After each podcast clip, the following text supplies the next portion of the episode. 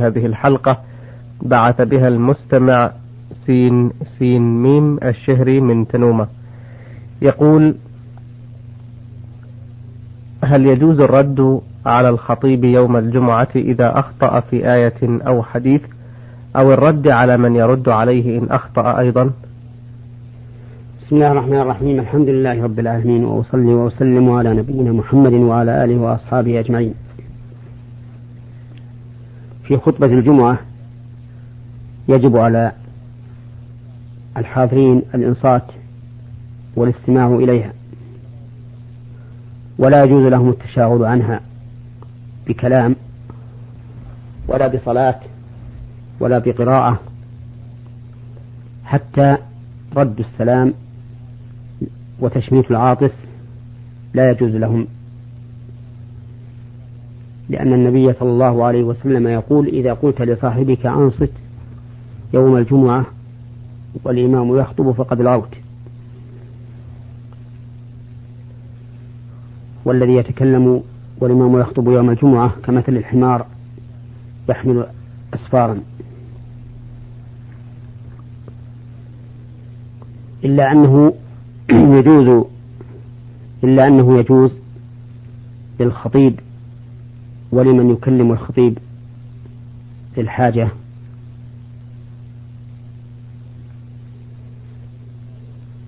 ودليل ذلك أن رجلا دخل يوم الجمعة والنبي صلى الله عليه وسلم يخطب فقال يا رسول الله هلكت الأموال وانقطعت السبل فادعوا الله يغيثنا.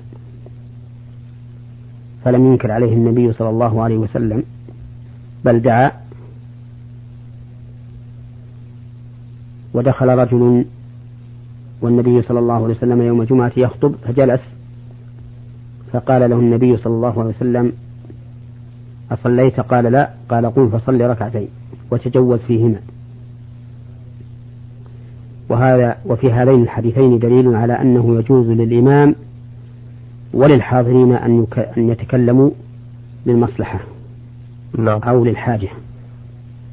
وعلى هذا فإذا أخطأ الإمام في قراءة آية من كتاب الله فإنه يرد عليه ولا بأس في ذلك.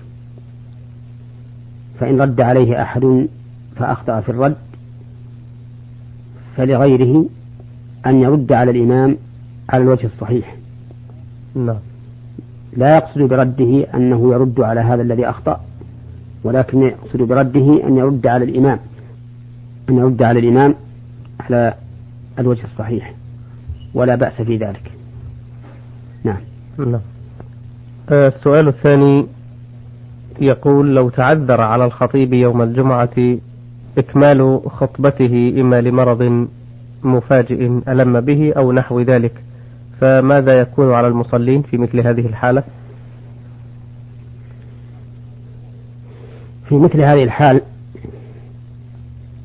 إذا كان الخطيب قد أتى بما يكفي في خطبته فإن الخطبة تعتبر كاملة فإن كانت الخطبة الأولى قام أحدهم فخطب الخطبة الثانية ثم صلوا وإن كانت الخطبة الثانية صلوا لأن الخطيب أتى بالخطبتين من قبل وإن لم يكن أتى بما يكفي من الخطبة الأولى فإنه يقوم أحد الحاضرين ويستأنف بهم الخطبة ويخطب خطبتين ثم يصلي بهم. نعم. نعم. إنما لابد من إكمال الخطبة. إي نعم لأن الخطبتين شرط لصحة صلاة الجمعة. نعم.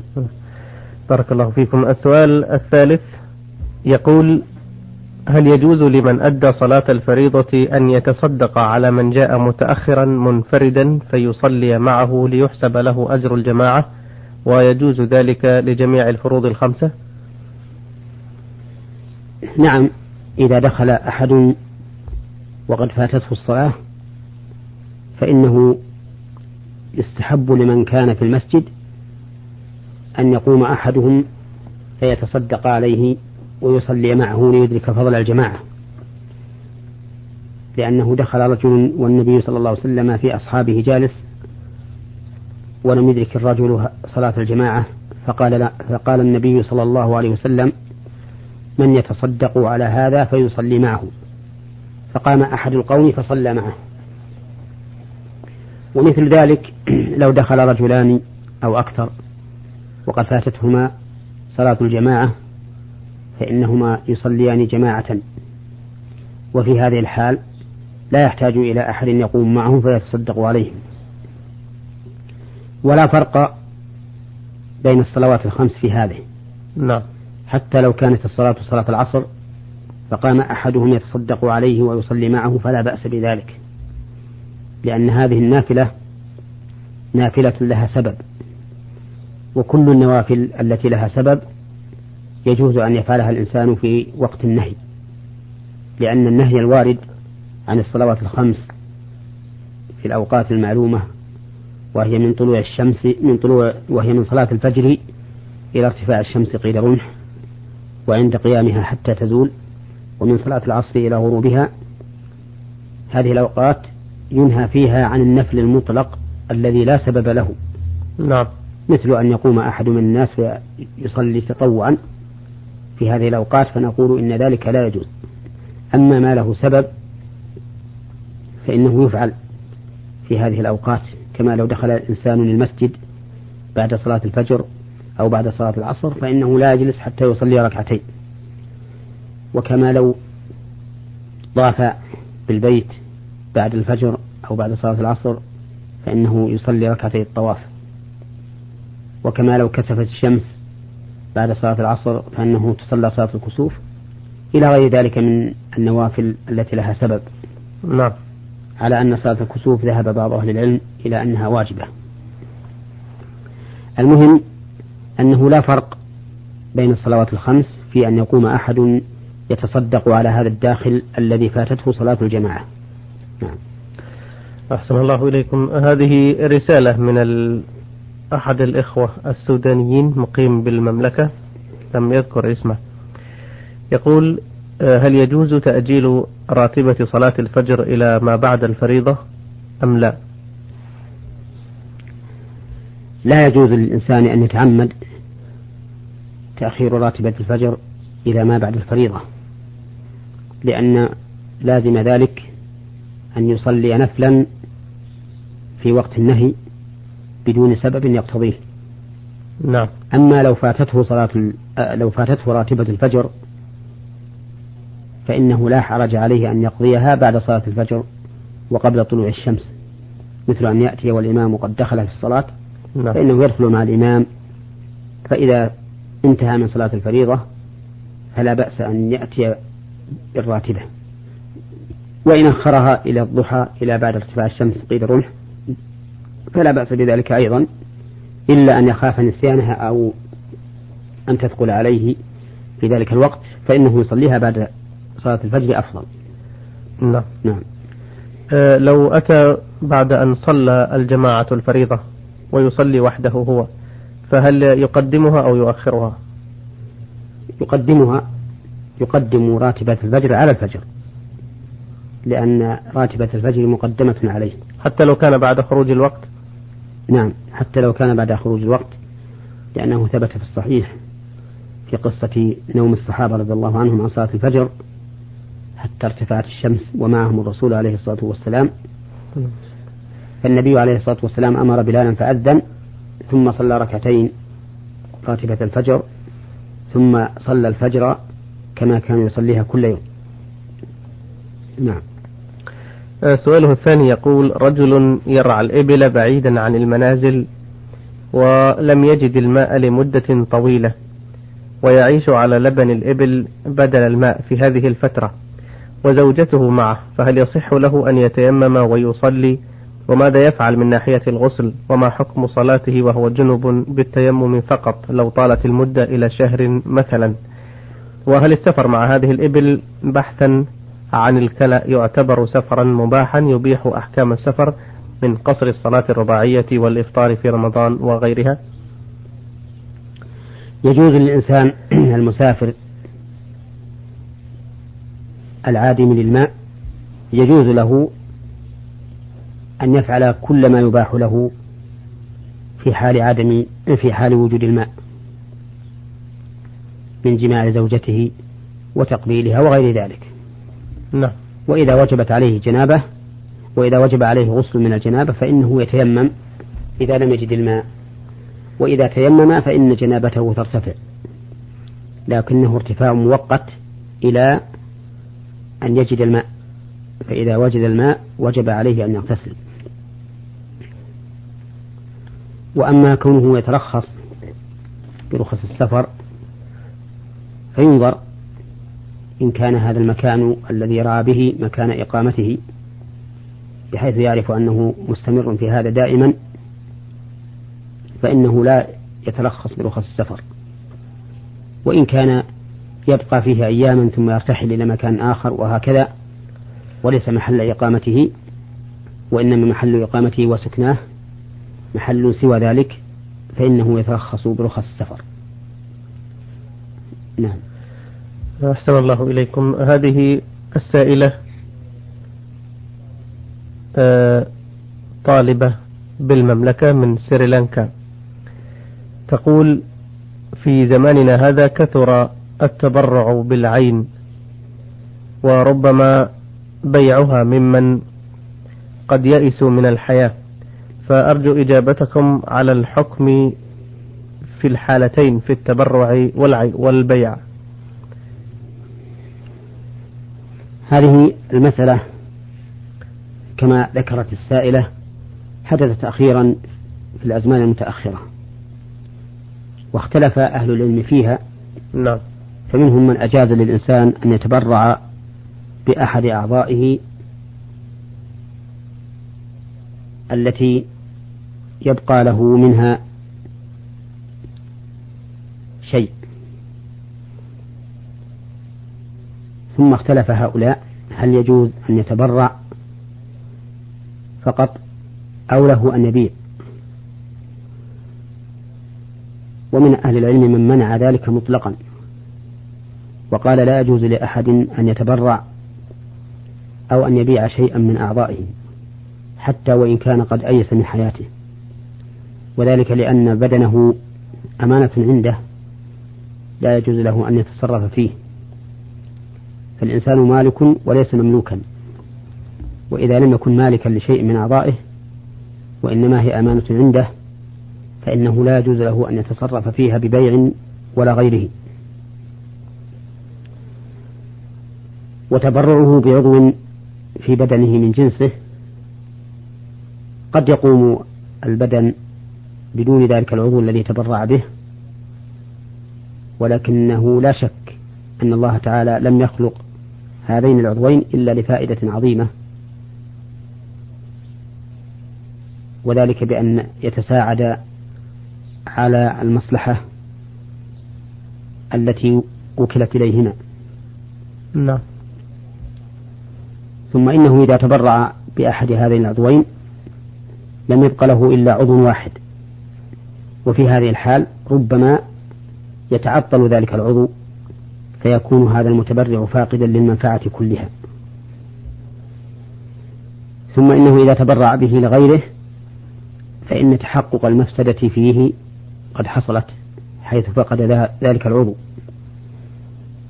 وحصول المصلحة للمتبرع له به أمر محتمل لأن العملية قد لا تنجح. فمثلا لو أن أحدا تبرع بكلية شخص بكليته لشخص فإنها إذا نزعت منه فقدها. وهذه مفسدة. نعم. ثم إذا زرعت في المتبرع به فإنها قد تنجح له. نعم. وقد لا تنجح. فنكون هنا قد ارتكبنا مفسدة لمصلحة غير متيقنة. والذي يترجح عندي أنه لا يجوز أن يتبرع أحد بشيء من أعضاء بدنه. وإذا لم يجوز التبرع فالبيع من باب أولى. وأما التبرع بالدم فإن التبرع بالدم للمحتاج إليه لا بأس به. وذلك لأن الدم يخلفه غيره. يتعوض نعم. فإذا كان يخلفه غيره صار النقص الذي يحصل على البدن مفقودا. فيكون هنا فيه مصلحة إما متيقنة أو محتملة لكن بدون وجود مفسدة. نعم. ومثل هذا لا تأتي الشريعة بمنعه فالتبرع بالدم لمن احتاج إليه جائز بشرط أن يقرر الطبيب أنه لا ضرر على هذا المتبرع إذا تبرع بدمه. نعم, نعم. أه حكم البيع وعرفناه حسب ما ترون لكن حكم الشراء. لو أراد أن يشتري وربما من غير مسلم يشتري عضوا من الجسد. هو إذا حرم البيع حرم الشراء. إذا حرم البيع على في في شيء فإنه يحرم الشراء. يعني لو أردت أن أشتري مثلا من غير المسلمين. نعم. لو أردت أن أشتري من غير المسلمين. لا فرق في هذا. لا فرق. بين المسلم وغيره. لكن أنا مضطر ومحتاج لهذا العمل. ربما أنقذ به حياة شخص. ربما تنقذ به حياة شخص لكن لا لكنك لا تتيقن أن تنقذ به حياة شخص نعم. ولهذا لو كانت المسألة من باب الأكل لا من باب زرع العضو في البدن الذي قد ينفره ينفر منه البدن ولا يقبله. نعم.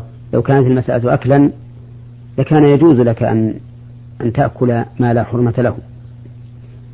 ولهذا اختلف العلماء رحمهم الله فيما لو اضطر الإنسان إلى أكل وليس عنده إلا ميت. هل يجوز له أن يأكل منه؟ أو لا يجوز؟ فالمشهور من مذهب الحنابلة أنه لا يجوز أن. يأكل الحي شيئا من الميت ولو أدى إلى موت الحي. لاحترام الميت كاحترام الحي. وذهب بعض أهل العلم إلى جواز أكل الحي من هذا الميت لدفع ضرورته. قال لأن حرمة الحي أعظم من حرمة الميت وهذا قول قوي بلا شك. نعم. ولكن الأكل تندفع به الضرورة يقينا. ولهذا لما حرم الله الميتة أباح للمضطر أن يأكل منها لأن ضرورته تندفع بذلك يقينا بخلاف الدواء والعلاج. ومن ثم قال أهل العلم إنه لا يجوز التداوي بالمحرم. نعم. ويجوز للإنسان أن يأكل المحرم لدفع جوعه. ففرق بين شيء تحصل به المصلحة يقينا وتندفع به المضرة وبين شيء لا يتيقن فيه ذلك فإنه لا يرتكب المحظور المتيقن لحصول شيء غير متيقن. نعم. بارك الله فيكم. آه سؤالها الثاني تقول ما مدى صحة هذا الحديث وما المقصود به؟ تقول لعن الله الواصلة والمستوصلة إلى آخره. فما المقصود من هذا الحديث؟ وهل يقصد به الشعر المصنوع من الشعر الذي سقط أو الشعر المصنوع من الألفاف وغيرها من المصنوعات؟ الواصلة نعم. هي التي تصل رأس غيرها والمستوصلة هي التي تطلب أن يفعل ذلك بها. ووصل الشعر شعر الرأس بالشعر محرم بل هو من الكبائر لأن النبي صلى الله عليه وسلم لعن من فعله. يعني الحديث صحيح. ووصل الشعر بغير شعر اختلف فيه أهل العلم. نعم. فمنهم من قال إنه لا يجوز لأن النبي صلى الله عليه وسلم قال نهى أن تصل المرأة بشعرها شيئا وكلمة شيئا عامة تشمل الشعر وغيره وعلى هذا فالشعور المصنوعة التي تشبه الشعور التي خلقها الله عز وجل لا يجوز أن توصل بالشعور التي خلقها الله سبحانه وتعالى بل هي داخلة في هذا الحديث. والحديث فيه الوعيد الشديد على من فعل ذلك لأن الرسول صلى الله عليه وسلم لعن الواصلة والمستوصلة. واللعن معناه الطرد والإبعاد عن رحمة الله. وقد ذكر أهل العلم أن كل ذنب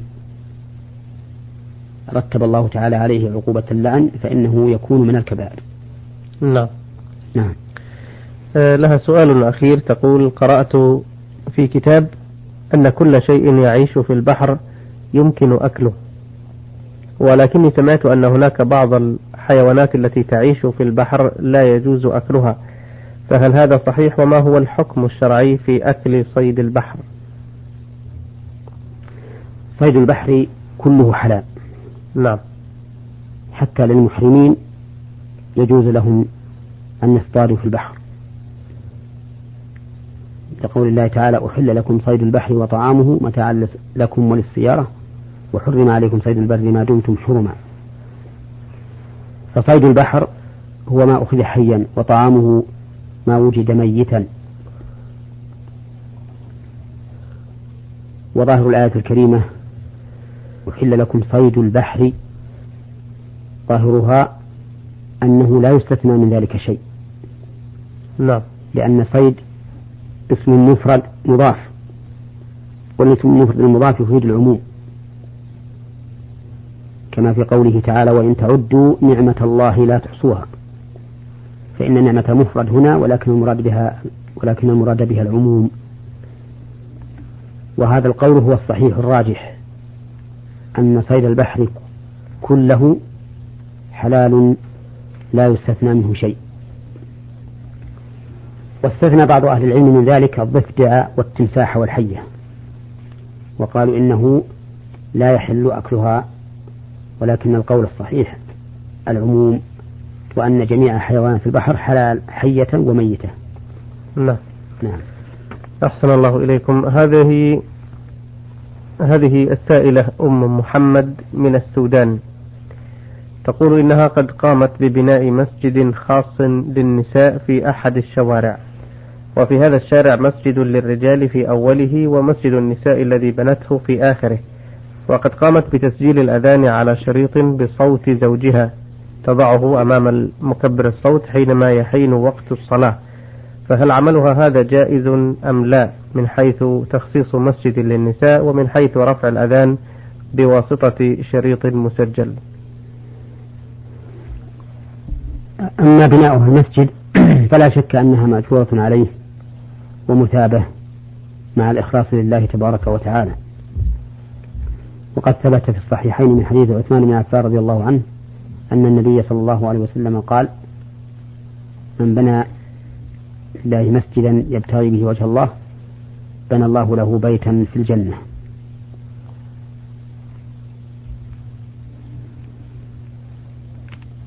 وأما تخصيصها مسجدا للنساء فلا بأس به. إذا كان هذا المسجد قد أحاط به سور المسجد العام. لأن غاية ما فيها أنها جعلت سترا بين الرجال والنساء وهذا لا بأس به. وأما كونها قد سجلت صوت زوجها بالأذان من أجل أن تضعه عند مكبر الصوت حين يحين الوقت فإن هذا ليس بجائز. وذلك لأن الأذان عبادة فيجب أن يتعبد به الإنسان على حسب ما ورد عن النبي صلى الله عليه وسلم. بأن يقوم الإنسان به نفسه. بأن يقوم الإنسان به نفسه ولا يجعله مسجلا. نعم. ففي مثل هذه الحال ننصحها بأن ترتب مؤذنا لهذا المسجد إن كانت تستطيع وإلا فلتتصل بوزارة الشؤون الدينية حتى ترتب لهذا المؤذن مسجدا. حتى ترتب لهذا المسجد مؤذنا. نعم. نعم. جزاكم الله خيرا. هذا السائل حسن حسين مصري يعمل بالرياض. يقول في بداية أيام زواجي كنت كثير الحلف بالطلاق فأحلف كثيرا وكنت كثيرا ما أحلف بسبب وبدون سبب. كأن أقول على الطلاق كذا وكذا أو علي الطلاق لا تبيتين هنا الليلة وفعلا أحيانا تنفذ وأحيانا لا يحصل شيء من ذلك. وحدث أن قلت لزوجتي أنت حرام علي كمثل أمي وأختي. ثم مضى عامان بعد ذلك والتزمت بشرع الله والحمد لله. فعرفت أن ذلك هو ما يسمى بالظهار وعلمت أن كفارته صيام ستين يوما أو إطعام ستين مسكينا. فامتنعت عن زوجتي حتى أطعمت ستين مسكينا ثم أتيتها. فما حكم الحلف الكثير بالطلاق؟ مع اعتبار أنني كنت جاهلا بكثير من أحكام الشرع. وما الحكم إن كانت فعلت شيئا مما حلفت عليه؟ وهل أديت الكفارة المطلوبة بإطعام ستين مسكينا أم لا؟ نعم. الجواب على هذا السؤال يتضمن أولا أنني أنصح هذا السائل وغيره من المسلمين أنصحهم بأن لا يكثروا من الحلف بالطلاق بل بأن لا يحلفوا بالطلاق وذلك لأن الحلف بالطلاق عند أكثر أهل العلم يعتبر شرطا متى حنث فيه طلقت زوجته. نعم. وإن كان بعض أهل العلم يقول في ذلك بالتفصيل وأنه إن قصد إيقاع الطلاق فهو شرط يقع به الطلاق وإن قصد المنع أو الحث أو التصديق أو التكذيب فإنه حلف لا يقع به الطلاق ويكون له حكم الحلف. إذا حنث فيه يكفر كفارة يمين. وكفارة اليمين كما قال الله تعالى إطعام عشرة مساكين من أوسط ما تطعمون أهليكم أو كسوتهم أو تحرير رقبة. نعم. فمن لم يجد فصيام ثلاثة أيام. والذي يظهر من حال هذا الشخص أنه أراد اليمين. وعلى هذا فإنه يجب عليه أن يكفر كفارة يمين عن الطلاق الذي خالفت زوجته فيه ما حلف عليها به. ثم إن كان إن كانت المخالفة في فعل أو إن كان المحلوف عليه شيئا واحدا أجزأته كفارة يمين واحدة. وإن كان أشياء وجب عليه لكل واحد كفارة. ثانيا تضمن هذا السؤال الظهار الذي قاله. والواجب على المظاهر أن يعتق رقبة فإن لم يجد فصيام شهرين متتابعين فإن لم يستطع فإطعام ستين مسكينا. لقوله تعالى والذين يظاهرون من نسائهم ثم يعودون لما قالوا فتحرير رقبة من قبل أن يتماسى ذلكم توعظون به والله بما تعملون خبير. فمن لم يجد فصيام شهرين متتابعين من قبل أن يتماسى فمن لم يستطع فيطعام ستين مسكينا. فإذا كان هذا الرجل الذي أطعم ستين مسكينا لا يستطيع أن يصوم شهرين متتابعين فإنه قد أبرأ ذمته بهذه الكفارة. وإن كان يستطيع فإنه يجب عليه أن يصوم شهرين متتابعين من الآن. نعم. نعم. يقول ما حكم المدة التي قضيتها أعاشر زوجتي بعد ذلك الظهار؟ إلى أن علمت بالحكم وهي مدة سنتين. الحكم في هذه المدة التي كنت تعاشر زوجتك قبل أن تكفر إذا كنت جاهلا فإنه لا شيء عليك. نعم. لقوله تعالى ربنا لا تؤاخذنا إن نسينا أو أخطأنا فقال الله تعالى قد فعلت وإن لم تكن جاهلا فإنك آثم وعليك أن تتوب إلى الله عز وجل وتكثر الاستغفار. جزاكم الله خيرا. آه إخوتنا الكرام في حلقتنا اليوم أجاب فضيلة الشيخ